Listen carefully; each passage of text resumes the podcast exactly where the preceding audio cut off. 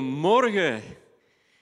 Goedemorgen, wat geweldig om bij jullie te zijn. Pastor Nicola, dank je wel voor de uitnodiging. Wat een eer om hier bij jullie in de gemeente te mogen spreken. En uh, Pastor Nicola, ik wil je eren om je leiderschap. Deze kerk is beter dankzij jouw leiderschap en het leiderschap van anderen waarmee je samen mag dienen in deze kerk. Hey, geweldig om hier bij jullie te mogen zijn. Geweldig dat jullie allemaal online kijken, waar je ook bent, thuis of op vakantie, op de camping, op hotel, in bed of in bad. Het is zo goed dat jullie bij ons zijn en ik verheug er mij op om deze tijd met jullie te spenderen. De titel van deze boodschap is Hoe kom je tot rust?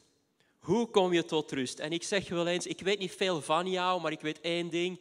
Of je komt uit een storm, je gaat door een storm of je zal door een storm gaan. En hey, 2020 is dit een jaar van de storm, zeg. Ik denk dat we allemaal op dit moment door een storm gaan en allemaal wel onrustgevoelens hebben gehad de afgelopen tijd. Van, ga ik ziek worden? Gaan mijn ouders ziek worden? Gaan mijn grootouders ziek worden? Ga ik mijn baan verliezen? Uh, wat met de kinderen? Kunnen ze naar school? Kunnen ze niet naar school? Hoe kan ik werken terwijl de kinderen thuis zijn? We hebben allemaal momenten gehad van onrust, denk ik, de afgelopen maanden. En misschien nog steeds, waar we denken van, oh, waar gaat dit naartoe? En weet je wat het is? Of dat het nu voor corona was of na corona. Er zal altijd onrust zijn in ons leven. En misschien denk je, ik voel een knobbeltje in mijn borst. Ik zal toch geen kanker hebben? Of je denkt, ik ben al dertig. Wanneer ga ik nu eigenlijk eens een partner vinden? Er is een herstructurering op het werk. Ga ik mijn baan kunnen behouden? Het zijn altijd dingen waar we ons van afvragen is dit het nu? Is dit nu het huis dat ik moet kopen? Is dit nu de partner waar ik de rest van mijn leven mee wil spenderen? En er is altijd een soort van onrust zijn in ons leven. Maar weet je, Jezus heeft een geweldige belofte voor ons. En, en we lezen daarover in Johannes 14, vers 27. En Jezus zegt, mijn vrede, mijn vrede laat ik jullie na. En die vrede is heel anders dan die van de wereld, dan die van de maatschappij rondom ons. Wees dus nooit meer bang of ongerust. En dat is waar het over gaat vanochtend. Hoe kom ik tot rust? Wat doe ik als ik ongeruste gevoelens heb?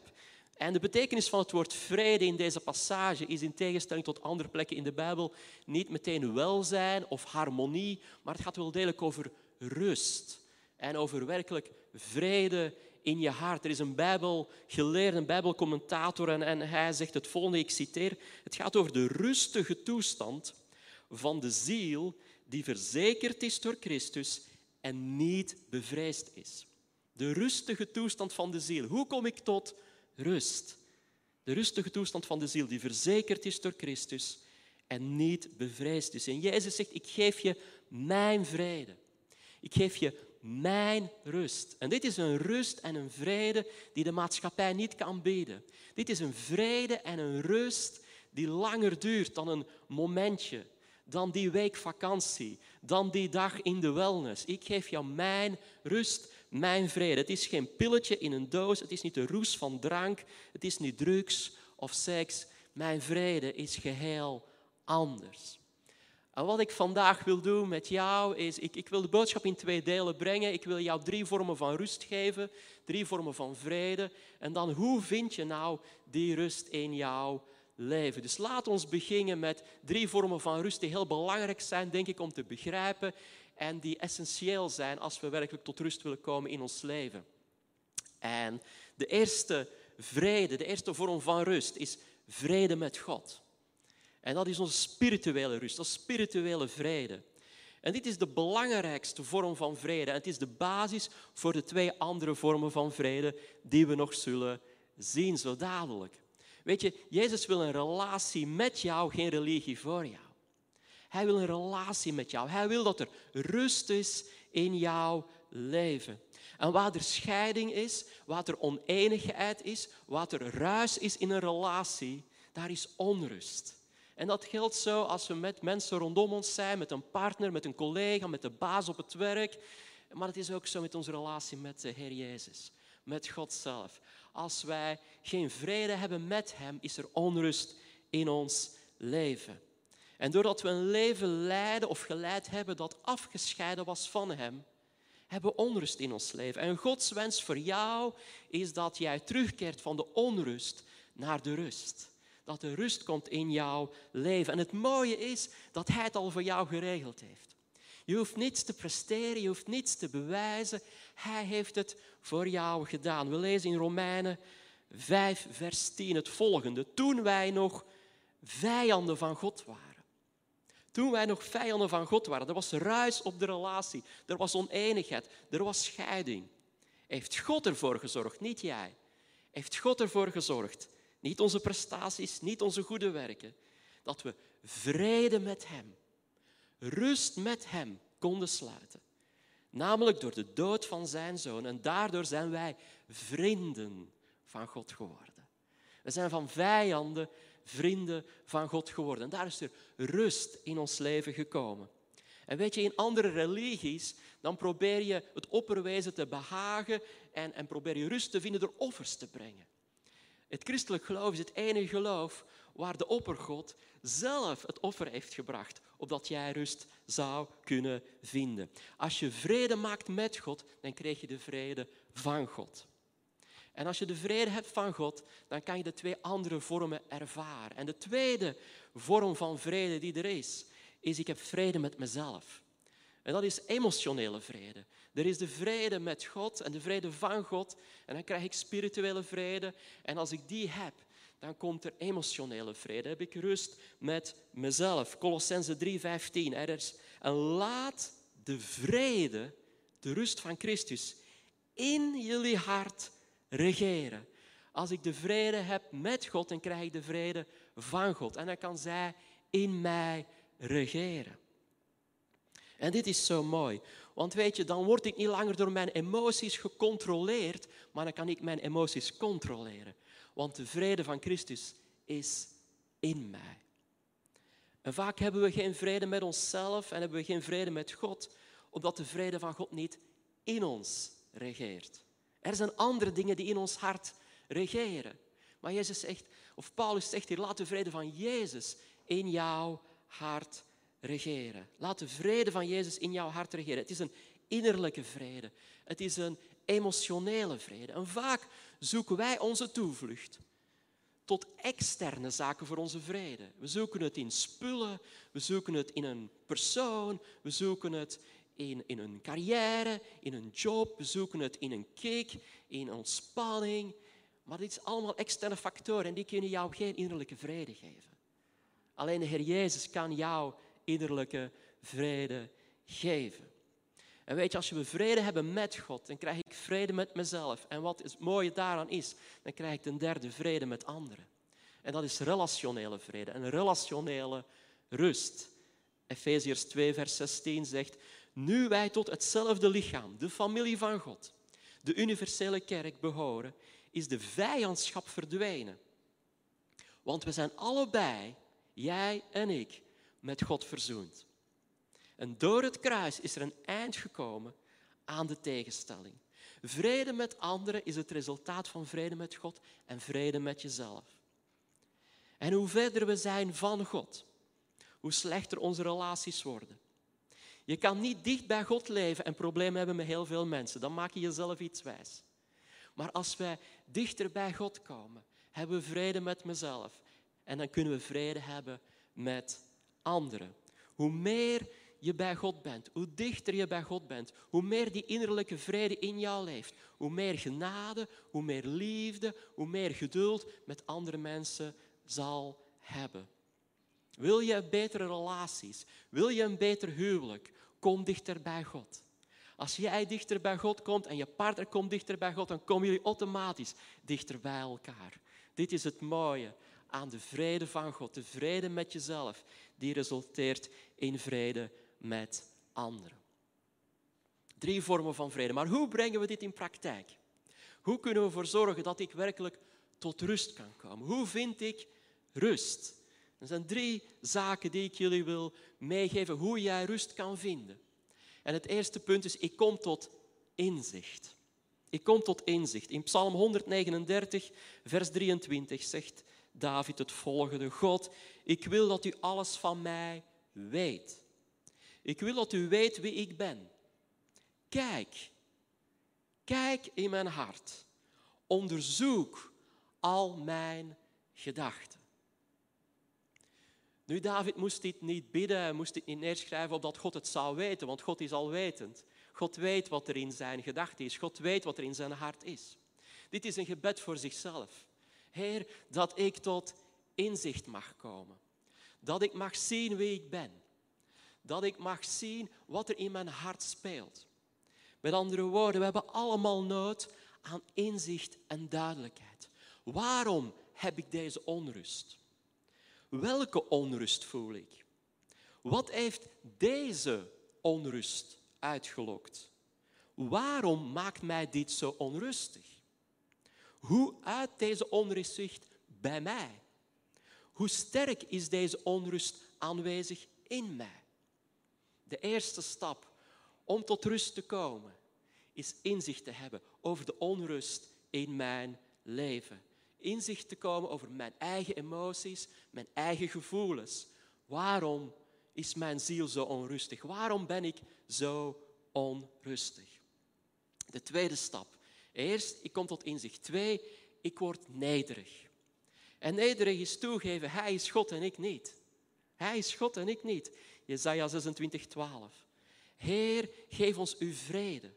Heer, geef ons uw rust. Want alles wat wij bezitten, alles wat wij zijn, is van u afkomstig. Dit is nederigheid. Niet denken, het komt allemaal van mezelf. Het komt allemaal door mijn slimmigheid. Het komt allemaal door mijn kracht. Het komt allemaal door mijn prestaties. Nee, alles wat ik ben, alles wat ik heb, het is aan u. Het is van u te danken. Heb je dit ooit gezegd tegen God? Of wanneer is de laatste keer dat je dit tegen God gezegd hebt? Wanneer is de laatste keer dat je dacht en tegen God zei, Heer, als mijn hart stopt met kloppen, dan ben ik er gewoon niet meer. Heer, als u mij geen adem geeft, dan stop ik mijn leven. Heer, ik heb niet de controle, maar u heeft de controle. En nederigheid is toegeven dat God God is en ik ben het niet. En alles wat ik bezit, alles wat ik doe, alles wat ik ben, Heer, het is van u. Het is niet van mij. Ik geef mezelf geen zon of regen. Ik hou mezelf niet in leven. Ik heb de aarde niet gemaakt. Ik heb mezelf niet gemaakt. Nederigheid is toegeven. Ik heb God nodig. Ik heb de controle niet. En oh, dit is zo moeilijk voor een controlefreak als mij, die graag alles onder controle houdt. En niet altijd voor van ons geldt. Maar ik ben God niet en ik heb God heel erg nodig. En daarom schrijft Paulus aan de Filippenzen in hoofdstuk 4, versen 6 en 7. Maak u nergens zorgen over. Oh, oh, oh, oh, Dit is de moeilijkste opdracht om toe te passen in de Bijbel, denk ik. Maak u nergens zorgen over. Elke dag falen we in deze opdracht. Elke dag faal ik in deze opdracht. Zorgen maken, lieve mensen, is verantwoordelijkheid nemen waar God geen verantwoordelijkheid heeft gegeven. Het is verantwoordelijkheid nemen waar God ze niet heeft gegeven aan ons. En hij zegt maar, bid voor alles. En vraag God wat u nodig hebt. Dankbaar voor alles wat Hij doet. Dit is het alternatief voor zorgen maken. Dit is het alternatief voor onrust. Hoe krijg ik rust in mijn leven? Paulus maakt het duidelijk. Maak u nergens zorgen over, bid voor alles. Want hij zegt in vers 7, dan zult u de vrede, de rust van God ervaren. Een vrede, een rust die ons menselijk verstand te boven gaat. Die de wacht houdt over uw hart en uw gedachten. Waarom? Omdat u in Christus Jezus bent. De vrede van God is in mij, regeert in mij. Heel veel van onze onrust wordt veroorzaakt door stress en door zorgen en door boosheid en frustratie en neerslachtigheid. En die emoties komen vaak voort uit het feit dat het niet gaat zoals wij zouden willen. Herkenbaar? Oh, zo herkenbaar in mijn leven. Het gaat vaak niet zoals ik zou willen. En dat maakt me boos en gefrustreerd en angstig en bezorgd en heb ik geen rust. En Paulus zegt, ik geef jou een tip hoe je rust kan vinden in jouw leven. Eén, doe het negatieve weg. Maak je geen zorgen. Richt je op het positieve. Bid tot mij. En wees dankbaar voor wat ik kan doen en zal doen. Wil je Gods rust ervaren in je leven? Wil je tot rust komen in deze waanzinnige tijden van corona en deze waanzinnige tijden in andere zaken die misschien in jouw leven gebeuren of zullen gebeuren na corona? Eén, kom tot inzicht over jezelf, over de onrust in jouw leven. En twee, word nederig. Hij is God, ik niet. Ik heb God nodig. Ik zet mijn onrust om in rust door God te bieden en te vragen. En dan de laatste en de, de derde stap om te doen is, ik vertrouw op Jezus. En dit lijkt een binnenkopper, dit lijkt een dooddoener. Ik vertrouw op Jezus. Ja, Christophe, geweldig. Moet ik daarom naar deze livestream kijken? Ik moet op Jezus vertrouwen. Laat het met jou even uitleggen aan de hand van een passage uit de Bijbel. Matthäus 11, 28 tot 29. Als de lasten u drukken, en een heel bekende tekst, als je wat vertrouwd bent met de Bijbel, als je al wat langer christen bent. Als de lasten u drukken en u vermoeid bent, kom dan bij mij. Als je onrustig bent en je hebt slapeloze nachten en je piekert en je maakt je zorgen en, en je maakt het in de, in de knoop en, en je begint uitslag te krijgen, je, hart gaat, je hartslag gaat de hoogte in. Als de lasten u drukken, als de energie en de levensvreugde uit jouw leven uitgezogen wordt door de onrust, als de lasten u drukken, u vermoeid bent, kom dan bij mij. Ik zal u rust geven. Daar zijn we naar op zoek. Hoe vind ik rust? En Jezus zegt, ik zal u rust geven. Voeg u naar mij. Dat is een beetje oud-Nederlands. Voeg u naar mij. Wees mijn leerling, want ik ben vriendelijk en nederig van hart.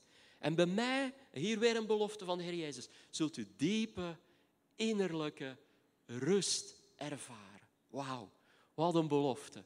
Hoe kom ik tot rust? Jezus zegt, ik zal jou diepe innerlijke rust geven.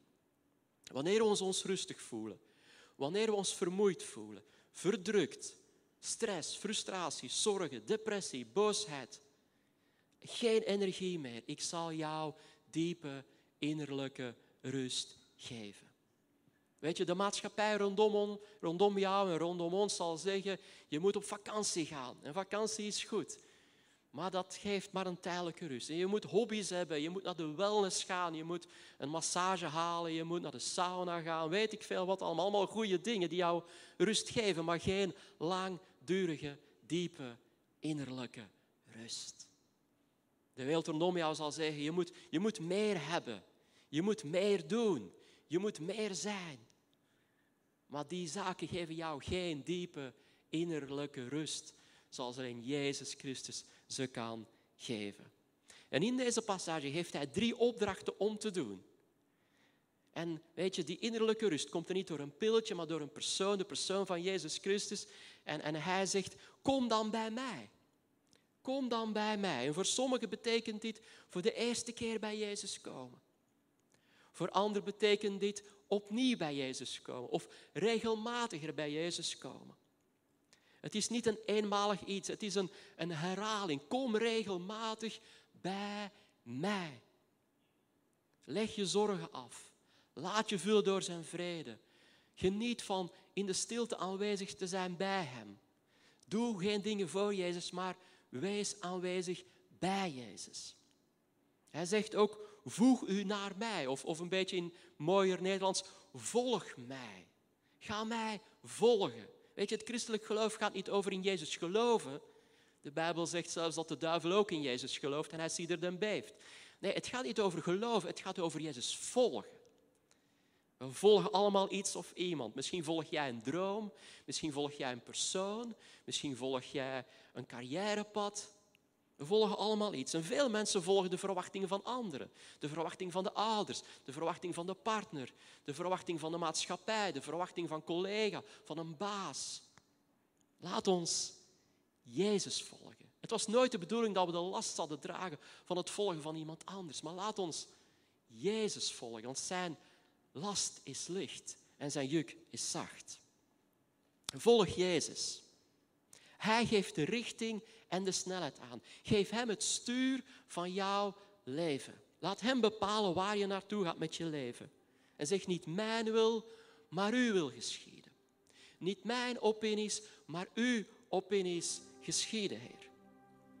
En daarom vraagt hij ook dat wij zijn leerling zouden worden. En dat is het laatste wat hij zegt. Wees mijn leerling. Wanneer we Jezus volgen, impliceert dit dat we leerling worden. Dat we leren hoe we hem beter kunnen volgen. Dat betekent dat we gaan luisteren naar wat hij te zeggen heeft.